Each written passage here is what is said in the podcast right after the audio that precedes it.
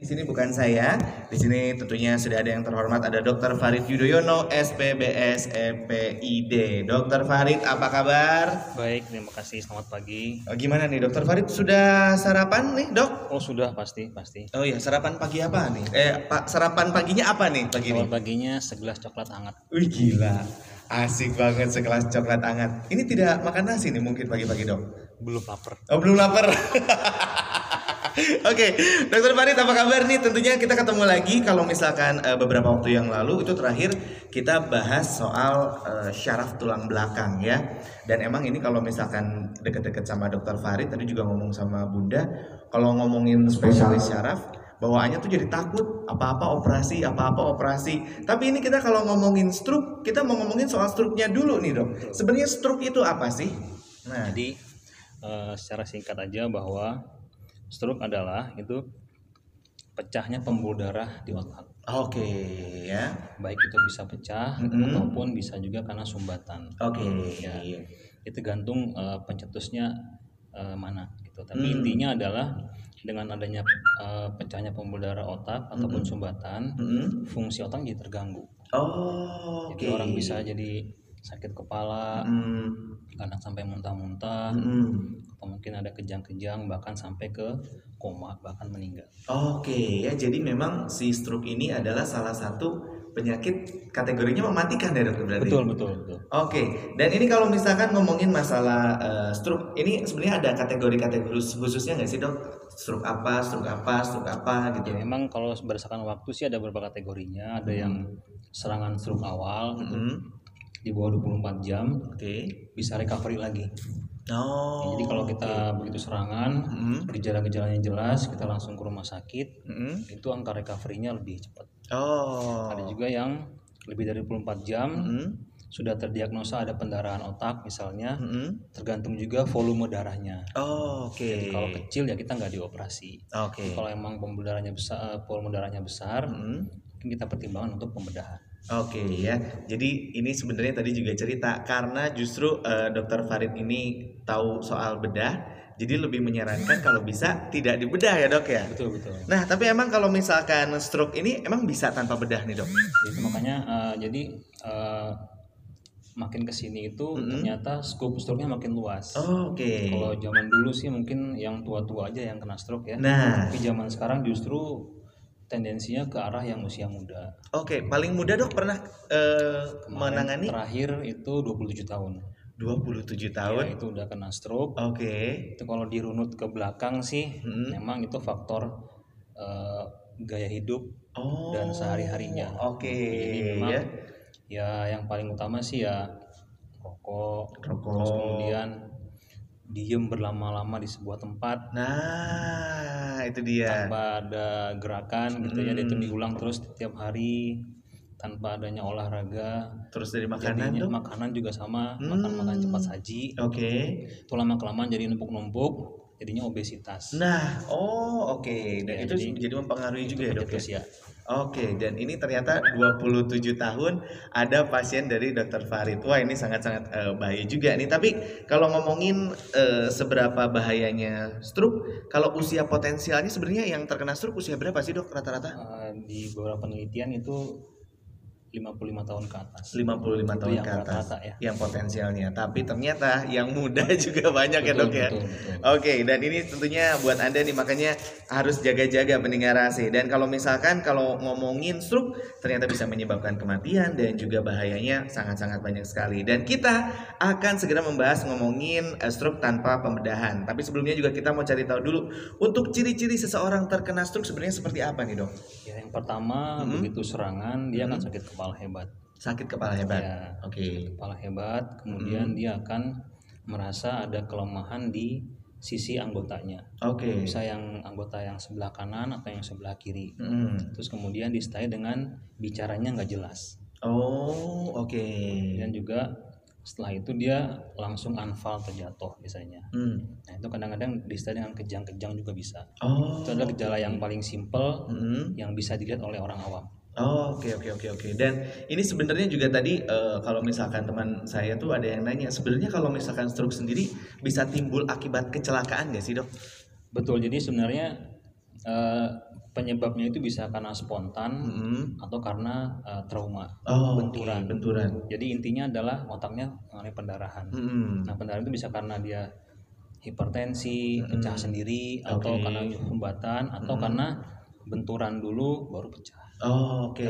Kerusakannya sama biasanya. Hmm, nah itu dia pendengar AC ya. Jadi kalau ada yang udah punya mungkin ada ciri-ciri yang tadi sudah disebutkan, Anda juga harus waspada loh pendengar AC ya. Sebelum kita lanjut tentunya Anda kalau yang mau bertanya soal stroke boleh banget pendengar AC di 0812 210 23 itu di WhatsAppnya boleh banget. Tentunya kita akan membahas penanganan nyeri pasca serangan stroke tanpa pembedahan ya. Jadi seperti apa tanpa pembedahannya? Jadi jangan pindahkan channel Anda tetap di 102,3 Rasa FM Bandung yang saat ini live dari Santosa Hospital Bandung Popo barengan sama Dr. Farid di Good Morning Bandung Morning Ranger.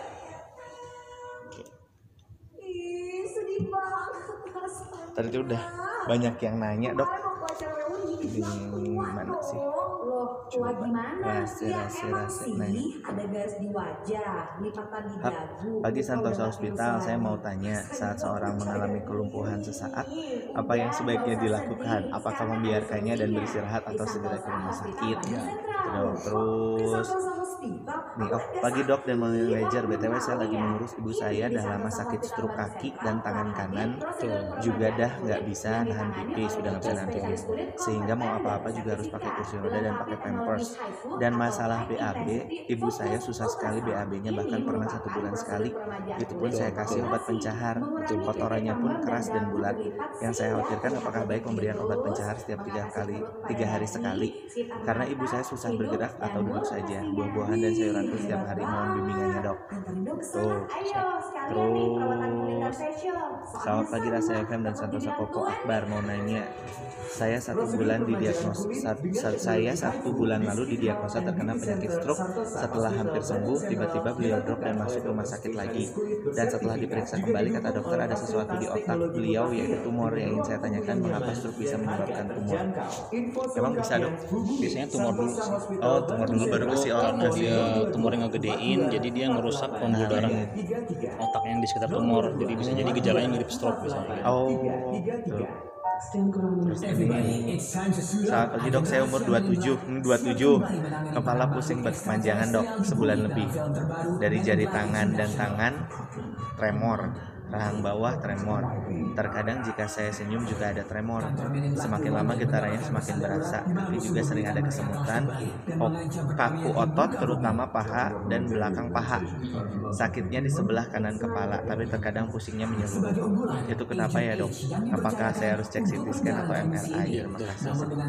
Ini ciri-cirinya kayaknya dok ya? Bener, bener, bener. Ini ciri-ciri banget. sih gampang banget sih. Dan 27 aduh dan obesitas sebenarnya itu juga bisa dok ya? Bisa banget bisa banget. Itu ya, ya biasalah kita sering nongkrong di main game gitu ya eh, eh, anteng Datang, terus makan gitu mesen makan ngopi gitu ya. Kalau emang tiap hari sih biasanya sih badannya akan makin ini gede. Nah kalau gitu kan biasanya kan jantungnya jadi beban. Beban jadi biasanya otaknya. Teman aku tuh waktu pas aku masih umur berapa ya? 26 27 kalau nggak salah.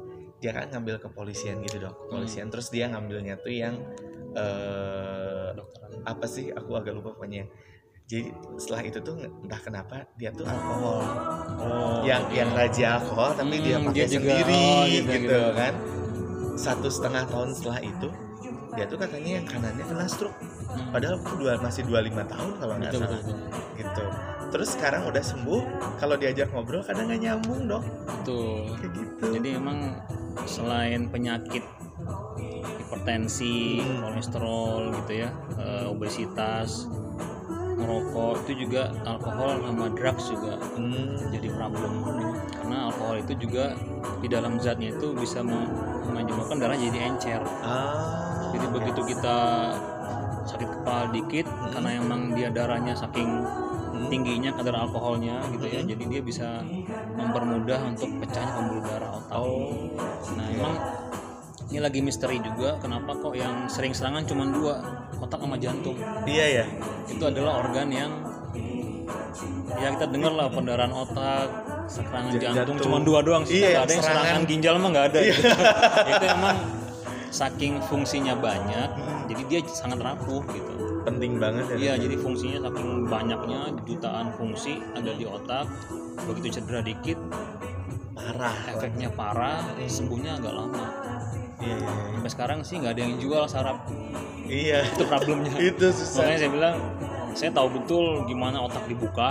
Hmm, saya tahu betul gimana tumor otak itu. Tahu betul makanya kalau bisa sih jangan sampai serangan stroke deh. Itu juga sebenarnya kan kadang kalau bilang entah tumor ganas atau tumor baik gitu kan kalau dia tuh kan mungkin kalau aku sih hanya menganggapnya hanya sebuah gumpalan benar ya. benar. Sebenarnya kan cuma sebuah gumpalan.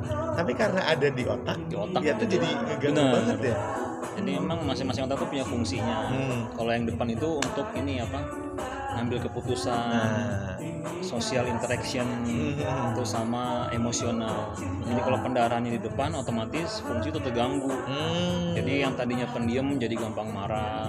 Oh, terus kemudian yang tadinya dia gampang mutusin sesuatu begitu ada serangan di otak loading. loading. Jadi dia tuh ngomong gini tapi nggak bisa gitu. eh, eh, eh, sama kemudian emosi juga terganggu. Yang depan yang depan. Kalau yang belakang kan keseimbangan. Hmm. Jadi kalau kendaraan di otak kecil jalannya sempoyongan aja. Kayak orang mabok gitu aja. Mau disuruh berdiri juga tetap sempoyongan. Iya iya iya jadi saking itu fungsinya tergantung di mana pendarahannya gitu. Hmm.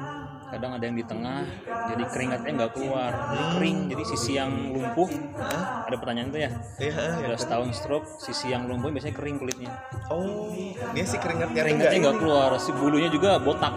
Hmm. jadi nggak tumbuh Oke, jadi oke, itu oke. karena kelenjar keringatnya terganggu pertumbuhan rambut juga terganggu Oke, oke. biasanya sisi yang lumpuh itu biasanya kaki tangannya mengecil Hmm. kering terus kalau kena air dingin kedinginan kalau kena air panas kepanasan Oh, Jadi sensitif itu banget ya. saking rusaknya jadi ya seperti itulah makanya jangan sampai deh gitu dan saya juga kalau udah serangan udah sekali stroke Hmm. tahunan biasanya Udah lanjut terus ya. tahunan makanya sayang kalau usia muda udah stroke Wah, dia harus produktif nyari duit segala macam apalagi bisa Iya, 30-an mah repot. Bul.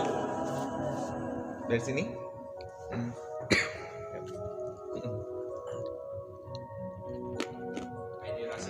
Ya.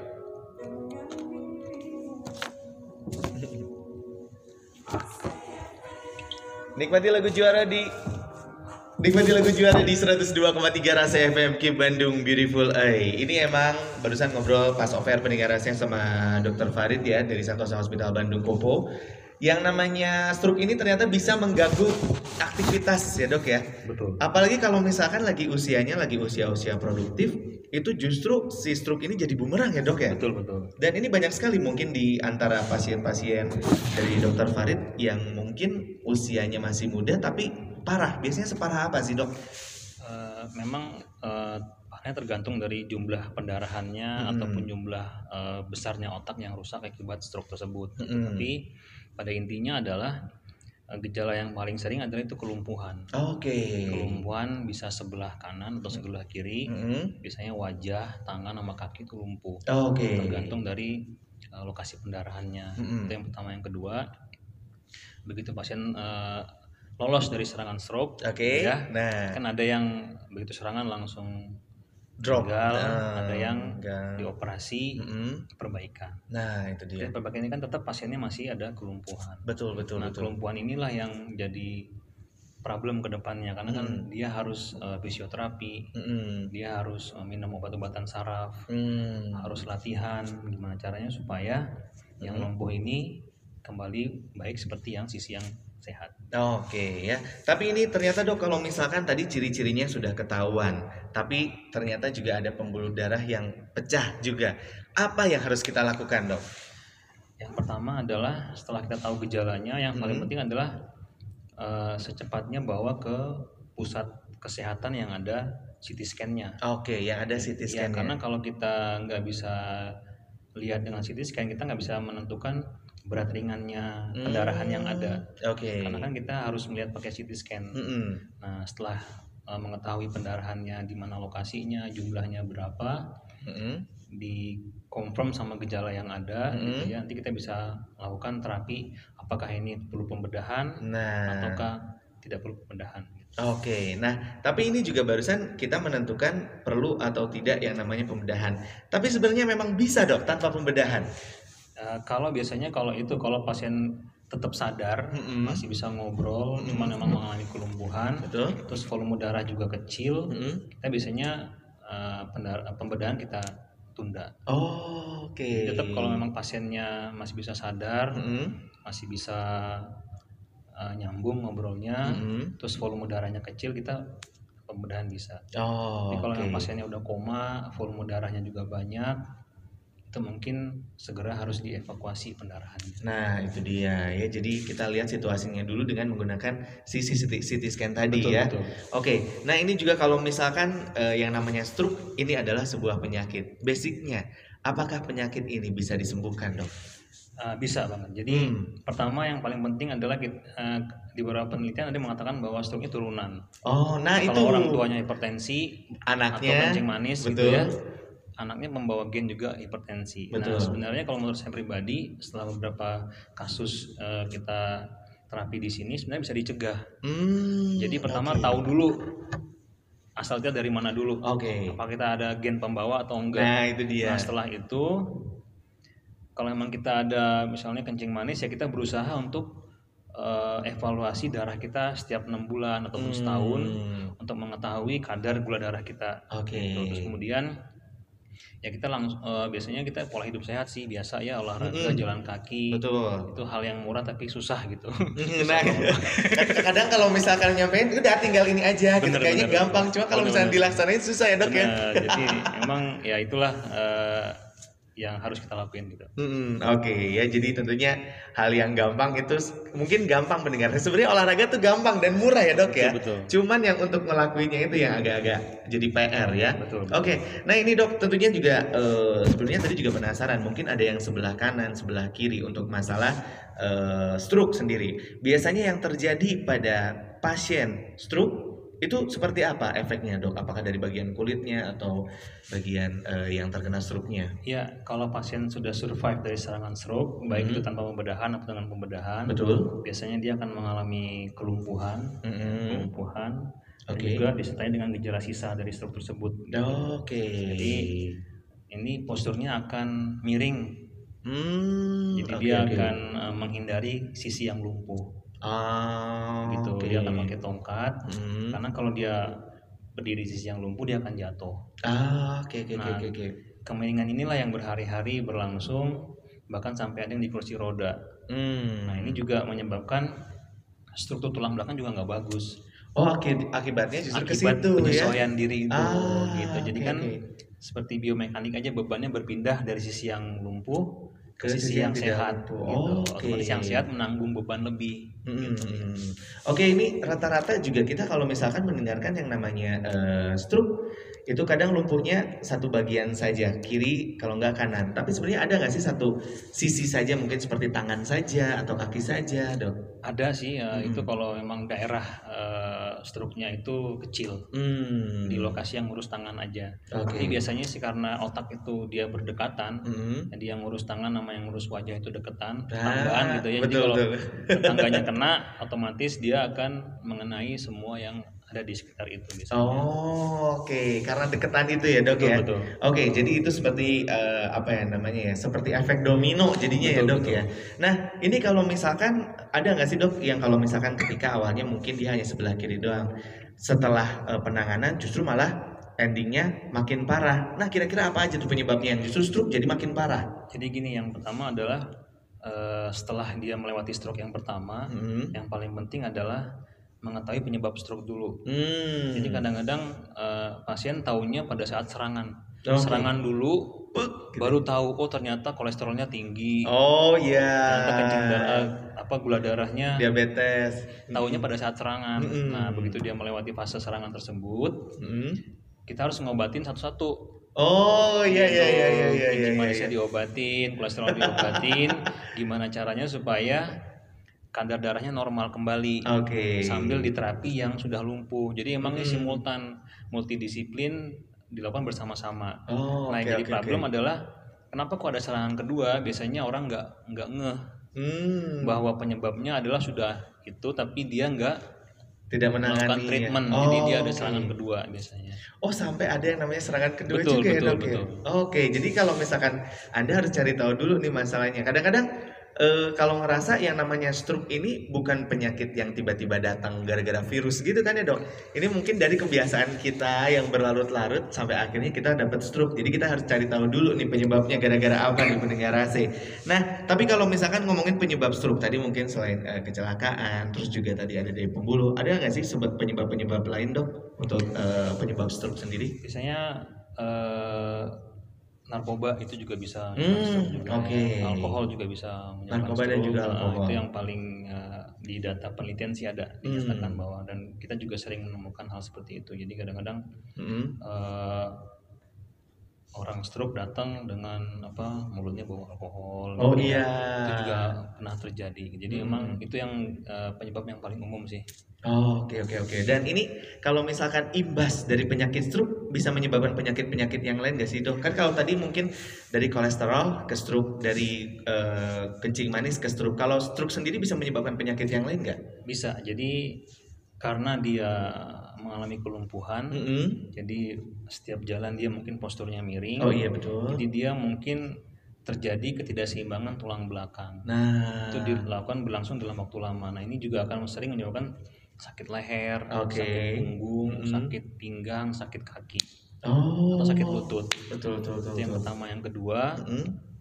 ada orang stroke yang pakai kursi roda Mm-mm. ini duduk, duduk lama terus ya Duduk jadi kan. Eh, bokongnya kerasa panas gitu Oh iya iya. Iya, berlangsung benar berlangsung berhari-hari Betul. jadi sering terjadi nyeri di tulang ekor Oke, apakah ada perubahan eh, posisi dari tulang ekor sendiri? kalau perubahan posisi enggak Hmm. biasanya karena eh, dia saking seringnya duduk Mm. dan tulang ekor kan tajam ya Betul. jadi kalau orang yang seringan duduk lama lebih dari sejam tuh dia akan merasakan nyeri di Bagian. di bagian bokongnya nah Betul. itu biasanya yang sering terjadi pada saat pasien-pasien itu eh, duduk lama di kursi roda Oh, pasien stroke utama oke ya. oke oke oke. Jangankan pasien stroke kadang-kadang ya dok ya kita yang touring aja baru sejam setengah juga udah panas. Ini belakangnya udah panas nih ya. Jadi ini ternyata memang eh, salah satu hal yang sangat-sangat eh, berbahaya ya. Jadi kalau misalkan anda udah ada ciri-cirinya tuh sekali lagi pendengar saya langsung periksain. Nah sambil nyicil dulu ah ini udah banyak ternyata yang masuk mau nanyain soal stroke. Ini ada dari Nuriski eh, Nur Nuriskai Ayu. Pagi Santosa Hospital, saya mau tanya, eh, saat seseorang mengalami kelumpuhan sesaat, apa yang sebaiknya dilakukan? Apakah membiarkannya dengan beristirahat atau segera ke rumah sakit? Kelumpuhan sesaat, dok. Nah, baik Eh, kalau kelumpuhan sesaat kalau emang dia kelumpuhannya setengah dari badan nah, ya kita harus eh, segera ke rumah sakit. rumah sakit apalagi itu kelumpuhan datangnya tiba-tiba Nah, lagi duduk lagi ngobrol tiba-tiba kok Lep.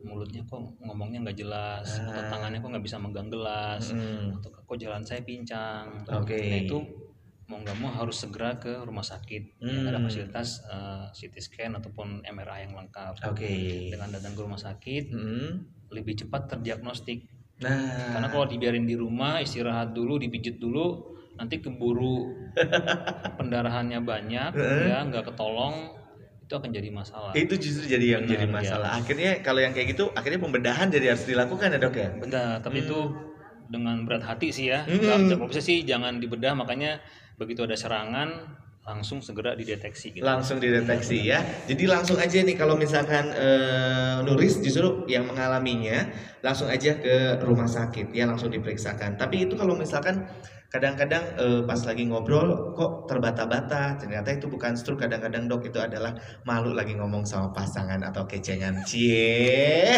nembak aja susah. Iqbal nih yang biasa kayak gitu ya. Oke tentunya pendengar rasa masih ditunggu buat anda yang nanya di 0812 210 23 kita ngomongin masalah stroke dan kita masih di Good Morning Bandung Morning Ranger yang punya penyakit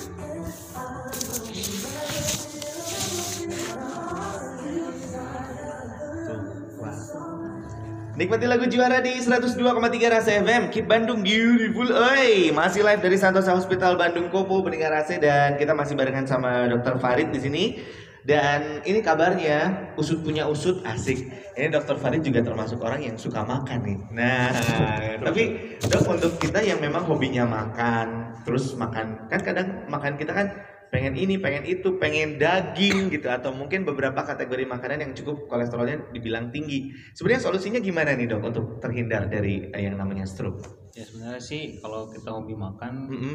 yang paling penting adalah kita mengatur dulu makanannya. Jangan Oke. setiap hari makan daging, terus ya itu kan jadi problem ya. Iya iya betul betul. Tapi yang penting sih selain kita makan yang banyak juga, yang penting harus pembakaran juga harus banyak. menurut Hmm, saya sih. nah itu dia.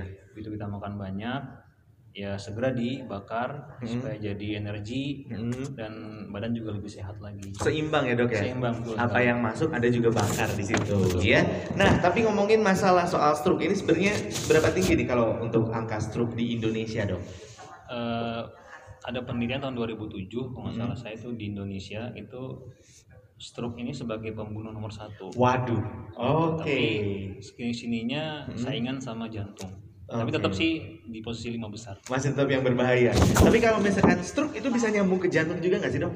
Biasanya eh, jantung dulu baru stroke biasanya yang sering Hmm. karena gangguan irama jantung. Hmm. Jadi eh, ada gangguan jadi larinya ke otak. lari ke otak akhirnya stroke aja ya nah kira-kira nih kalau misalkan eh, kita yang justru akhirnya bisa dibilang takut juga nih kayak kalau yang namanya stroke apa aja yang harus kita lakuin agar terhindar dari stroke nih dok nih Yang pertama adalah eh, yang paling simple kita harus eh, tahu dulu Mm-mm. di badan kita ada penyakit apa. oke kenali tubuh Ya, kita dulu Misalnya tensinya tinggi Hmm, ataupun kita ngukur badannya agak gemuk Nah. gitu ya. Se- ada hitungannya sih. Betul. itu di kalkulatornya ada di internet mm-mm. namanya BMI. BMI Nah, BMI Oke. eh, itu kita hitung aja masukin tinggi badan, Mm-mm. masukin berat badan nanti ketemu hitungannya apakah kita idealnya ya overweight ataukah obesitas. Nah, Ah, kalau tahu oke. itu kita langsung mulai eh, bikin program sendiri. hmm, Lari ke atau jalan atau makannya diatur sampai si Eh, beratnya ya sampai ke iya, ideal itu ya dok ya. Dan kita juga nggak bisa berat badannya turun langsung tiba-tiba ya. Sebulan langsung 10, 10 kilo, kilo, mah tipes langsung langsung dirawat. itu beda lagi. Itu beda lagi malah nyiksa diri ya dok Benar, ya. benar, benar. oke itu yang pasti pertamanya adalah kita perhatikan dulu apa yang ada di dalam diri kita ya dok ya. Kenali penyakit kita oke. Nah terus kalau misalkan ini dok kita lanjut lagi. Kalau misalkan ngomongin masalah stroke angka kematian stroke itu sempat jadi yang paling tinggi juga ya dok ya. Betul, betul. itu angka yang paling tinggi tapi kalau misalkan di Santosa Hospital sendiri gimana nih untuk pasien stroke ini dok Kalau pasien stroke memang di Indonesia Mhm. rata-rata itu eh, kita punya tingkat pengetahuan stroke yang rendah. oke Artinya adalah orang di sekitar kita ataupun di rumah itu memang tingkat pengetahuan terhadap stroke-nya Mhm. eh, rendah sekali. Jadi kalau ada gejala lebih cenderung untuk didiemin di rumah dulu. hmm Bisa dikirain mungkin sakit biasa ya masuk oke angin ya. Mm. Tukang pijat segala macam, tapi kondisinya makin memburuk. oke Nah, itu juga yang jadi problem. Nah, makin lama stroke itu dibawa ke rumah sakit, makin lama terdiagnosa, makin lama dikasih obat, tentunya kondisinya akan semakin memberat. parah ya Itu yang jadi masalah di Indonesia sih. Oke, nah ini juga kalau misalkan kita yang benar-benar langsung ada ngerasa si ciri-ciri eh, stroke tadi muncul, terus kita memang katanya sih harus langsung segera ke rumah sakit. Betul. Ini tadi juga kabarnya ada yang namanya eh, golden period ya. Betul, betul. Ini sebenarnya apa sih dok? Jadi di beberapa penelitian di luar negeri Mhm. itu dikatakan bahwa kalau kita ada gejala serangan stroke Mm-mm. dan terdiagnosa di bawah 8 sampai 6 sampai 8 jam, Mm-mm. lebih awal Oke. itu angka kematiannya lebih rendah. Oke. Tapi emang tergantung juga penyebab dari stroke sendiri ya. Jadi kita nggak Hmm. bisa mengejar semuanya. Mm-mm. Yang pasti begitu datang ke rumah sakit usahain di bawah 8 jam. Oke. Lebih cepat terdiagnosa, Hmm. lebih cepat masuk obat itu akan lebih lebih baik lagi ya. Iya. Ini ada ada hubungannya sama pertanyaan tadi ya daripada diistirahatin lama Betul. sehari dua hari eh malah nambah parah ya dok Betul, ya. betul. Oke kalau gitu kita lanjut lagi nih yang udah masuk di 0812 210 23 ada Didit pagi dok dan Morning Ranger pagi. By the way saya lagi ngurus ibu saya yang yang dah lama sakit stroke kaki dan tangan kanan juga dah nggak bisa nahan pipis sehingga mau apa-apa juga harus pakai kursi roda dan pakai pampers dan ada masalah BAB. Ibu saya susah sekali BAB-nya bahkan pernah satu bulan sekali itu pun saya kasih obat pencahar. Eh, untuk buangannya itu keras dan juga bulat. Yang saya khawatirkan apakah baik pemberian obat pencahar setiap tiga hari sekali karena ibu saya susah bergerak atau duduk saja bahkan buah-buahan dan sayuran pun setiap hari. Mohon bimbing aja dok, makasih katanya gitu. Didit. Nah, Baik, eh, makasih pertanyaan. Jadi sebenarnya stroke sendiri adalah itu kerusakan saraf. oke. Jadi saraf di otak itu dia akan mengatur saraf di bawah-bawahnya. Hmm. Saraf tangan, saraf eh, jantung, saraf usus, Mm-mm. saraf kaki semuanya gara-gara adalah diatur oleh otak. Oke. Jadi kalau otaknya udah ada gangguan, Mm-mm. otomatis semua ke bawahnya akan terganggu. Oh, Itu yang pertama itu basic eh, pencetusnya. Berikutnya Mm-mm. kalau sudah lumpuh biasanya lumpuh bareng dengan eh, pincang ya Hmm. duduk lama biasanya juga saraf usus juga terganggu Oh, oke. Jadi, emang Jadi, pengaruh ya dok ya? betul betul Mm-mm. sekali selain stroke-nya sendiri juga mempengaruhi saraf usus juga Mm-mm. dengan dengan kursi roda kursi roda lama Oh, nah itu. itu juga bisa mempengaruhi eh, pergerakan dari usus Oh, oke. jadi sebenarnya kalau menurut saya orang stroke itu harus diperlakukan seperti kita orang yang sehat kalau menurut Hmm, saya hmm. kalau memang dia pengen berjalan ya beri dia kesempatan untuk berjalan Oke. karena dengan dia berjalan walaupun memang pincang Mm. itu bisa melancarkan pembuluh darah yang ada di sisi yang lumpuh Oh. Terus kalau memang dia pengen eh, duduk kebangun lagi itu tolong difasilitasi karena Oke. kalau duduk terlalu lama juga nggak bagus Oke, gitu. jadi oke, oke. yang penting adalah digerakin semua tubuh yang mengalami kelumpuhan itu akan Oke. lebih baik menurut saya Salah satunya adalah untuk melancarkan si aliran darahnya betul itu ya dok ya.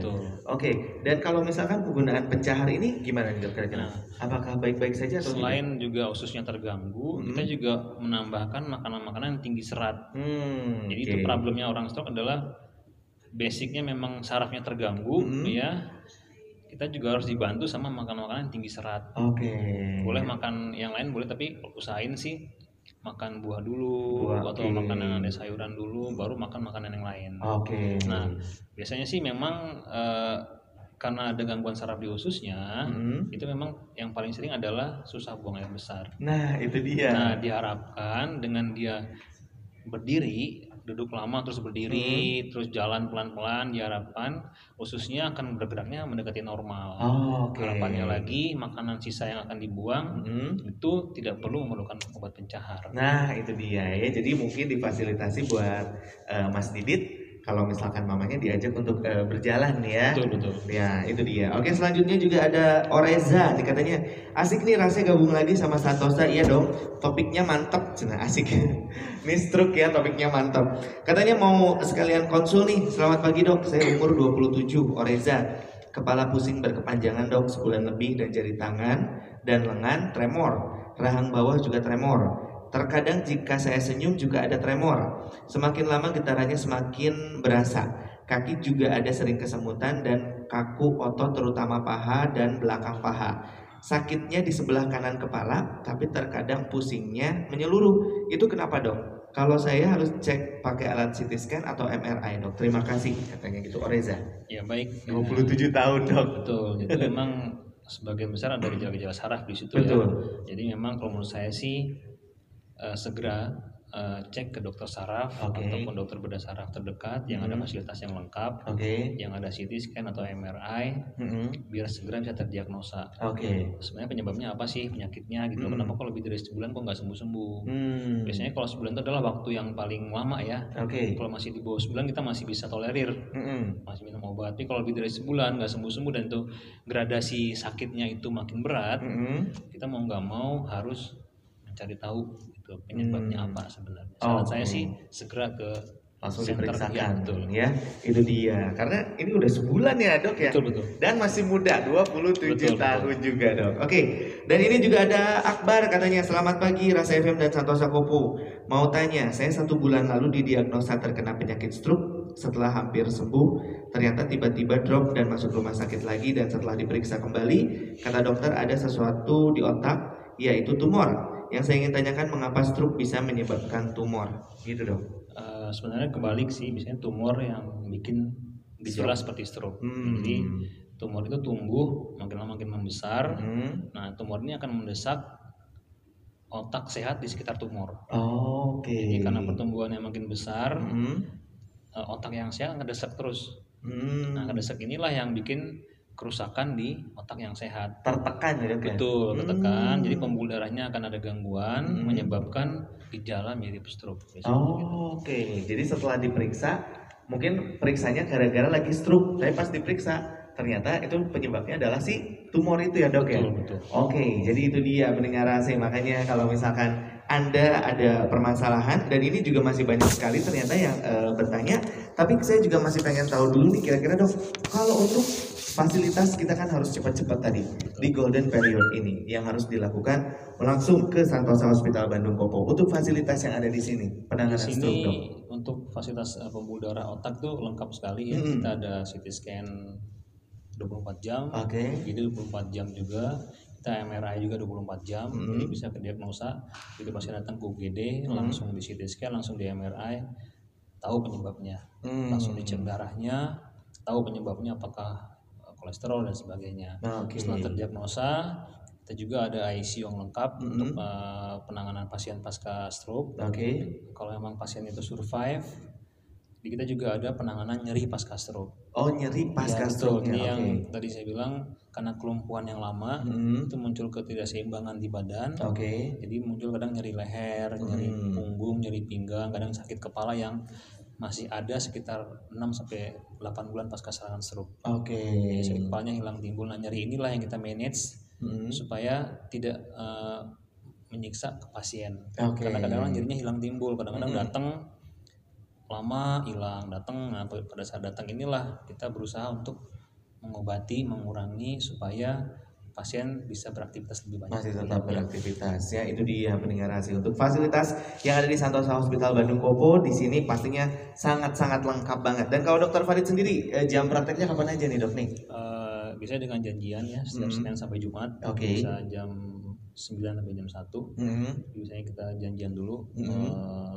ke pendaftaran biasanya. Oke langsung ke pendaftaran dan di sini juga sebenarnya ada Mas Mirza juga nih yang bikin testimoni-testimoni ya dari Dokter Farid. Jadi kalau misalkan anda ke Santosa Hospital Bandung eh, Kopo mendengar AC itu kalau di lift ini ternyata banyak sekali juga ya masyarakat yang memang eh, berterima kasih akibat sebenarnya statusnya dia adalah penyandang stroke juga ya dok ya dan banyak sekali sebenarnya dok ya. Ada beberapa pasien sih memang yang survive Mm. dan itu berhasil kita tangani Mm-mm. dan sampai sekarang juga kita masih komunikasi sama pasiennya. Oke. Jadi begitu serangan, begitu pembedahan Mm-mm. sampai mungkin kapan pun pasien mau kita tetap menerima pasien, Mm-mm. tetap berusaha untuk memberikan yang terbaik buat pasien. Hmm. Harapannya sih dia bisa lebih produktif lagi dengan kondisi yang ada dengan dia itu. Nah, itu dia pendengar AC. Karena penyakit stroke bukan berarti dia tidak bisa beraktivitas ya dok ya? Betul. Nah, itu dia. Jadi, Anda kalau sambil mau konsultasi, langsung saja pendengar AC ke Santosa Hospital Bandung Kopo. Dan ini juga kalau misalkan terakhir sebelum kita tutup acaranya dok, kalau yang harus kita lakukan agar terhindar dari stroke apa dok? Yang pertama yang paling ringan adalah kita harus punya eh, pola hidup yang sehat. Pola hidup sehat. Karena pola hidup sehat itu adalah murah kalau menurut saya sih ya. Betul. Kita minum air putih, Hmm. makan buah-buahan kan murah tuh. Hmm. Sekarang kan murah Ih, ya. murah banget itu Murah mah. banget ya itu sebenarnya sih jalan kaki itu kan Hmm. murah tinggal bangun pagi setengah jam habis Hmm. itu kerja itu sangat murah nah usahain sih dibiasain Oke. yang murah-murah yang simple-simple dibiasain karena manfaatnya lebih besar Oke. dibandingkan dengan begitu kita serangan stroke Mm-mm. sepertinya semua jadi kacau balau ya Nah, itu dia. itu akan jadi nggak produktif jadi beban buat orang lain juga karena kan Betul. harus kontrol ke rumah sakit itu Mm-mm. kan nggak bisa sendirian gitu loh harus pakai orang lain nah Harus itu juga jadi gitu ya. problem Mm-mm. masalah waktu masalah biaya masalah juga psikologis ya nah Betul. lebih baik sih sebelum terjadi cegah dari sekarang Pola hidup sehat ya dok ya. betul Yang murah. Dan kalau misalkan di antara pendengar AC justru ada yang sudah terkena stroke, apa yang harus dilakukan? nah stroke itu adalah bukanlah suatu yang menakutkan kalau Betul. menurut saya jadi begitu anda serangan stroke walaupun anda sebagai penderita stroke tetap anda bisa lebih produktif lagi Hmm. dengan cara eh, datengin society society ada kita ada kumpulan pasien-pasien yang udah pernah kita operasi Oke. kadang-kadang kita simposium di sini Mm-mm. kita dat- kita undang pasiennya jadi pasien sesama pasien Mm-mm. yang survive saling Komunikasi, komunikasi ya. Dan berbagi ber- ya dok ya? betul Oh, oke. karena eh, yang penting adalah kadang-kadang pasien itu apa nggak ada informasi ya begitu serangan stroke nih saya harus ke mana Hmm. saya sendirian di rumah orang lain kerja gitu saya di rumah sendirian kan depresi Mm-mm. kalau nggak ada teman-teman yang sebaya Betul. yang sependeritaan biasanya dia akan makin depresi dan makin Parah. parah nah Oh, itu biasanya oke. kita punya society di sini Mm-mm. Nah, ya kita ada simposium bareng Mm-mm. tukar pikiran yang penting sih eh, supaya pasiennya lebih update kondisinya terbaru gitu Nah itu dia pendengar AC dan kalau misalkan eh, cerita dari eh, Dr. Fred sendiri dok, yang survive dari stroke yang paling parah waktu itu stroke-nya stroke apa dok? Eh, ada satu orang itu umurnya 67 tahun ya Wow, oke. Itu stroke perdarahan Mm-mm. itu sampai sekarang dia masih tetap dari koma ya kita operasi Oh jadi sempat koma. koma Oke. sempat koma di ICU dan Mhm. itu juga lumayan lama juga di, di rumahnya kita operasi alhamdulillah sih ini udah tahun kedua Oh, oke. tahun kedua tadinya nggak bisa ngobrol Hmm. sekarang udah bisa ngobrol Komunikasinya ya ngomongnya jelas walaupun masih ada kelumpuhan sedikit Mm-mm. sampai sekarang masih kontrol ke poli saya Mm-mm. Eh, keluarga juga udah sangat paham jadi edukasinya adalah ke pasien juga ke orang terdekat yang merawat Keluarganya jadi juga ya. informasinya harus update terus gitu supaya visinya sama-sama maju sama-sama positif supaya pasien penderita juga lebih baik Mm-mm. dan keluarga pendamping juga nggak mengalami seperti pasien Nah, Itu yang paling penting. itu dia ya. Jangan sampai nularin apalagi ya dok Betul, ya. Oke. Dan jadi kalau misalkan anda ingin eh, apa namanya memeriksakan kondisi kesehatan anda langsung saja di Santosa Hospital Bandung Kopo AC khususnya untuk anda jika nanti ada eh, jaga-jaga untuk masalah stroke-nya sendiri. Dan kalau misalkan anda mau langsung aja ke Kiai Haji Wahid Hashim nomor 461 pendengar AC langsung aja dan di sini juga tersedia ICU-nya juga ya. Jadi langsung berangkat ke sini pendengar AC. Dan kalau misalkan ada penasaran dan juga ingin bertanya lebih lanjut, nanti kita akan lanjut lagi tentunya untuk eh, bertemu dengan Santosa Hospital Bandung Kopo. Tapi sayangnya pertemuan kita sekarang udah eh, selesai dan terakhir pesan untuk pendengar AC kira-kira apa nih dok? pesannya adalah bahwa stroke bisa dicegah Betul? bisa ditanganin Mm-mm. kalau kita tahu penyebab dan penanganannya dengan Oke. secepat mungkin gitu Itu aja pendengar AC. Kalau gitu terima kasih untuk Dr. Farid Yudhoyono, SBBS EPID dan juga terima kasih untuk Santosa Hospital Bandung Kopo. Waktunya kita pamit dan ingat pendengar AC jaga kesehatan.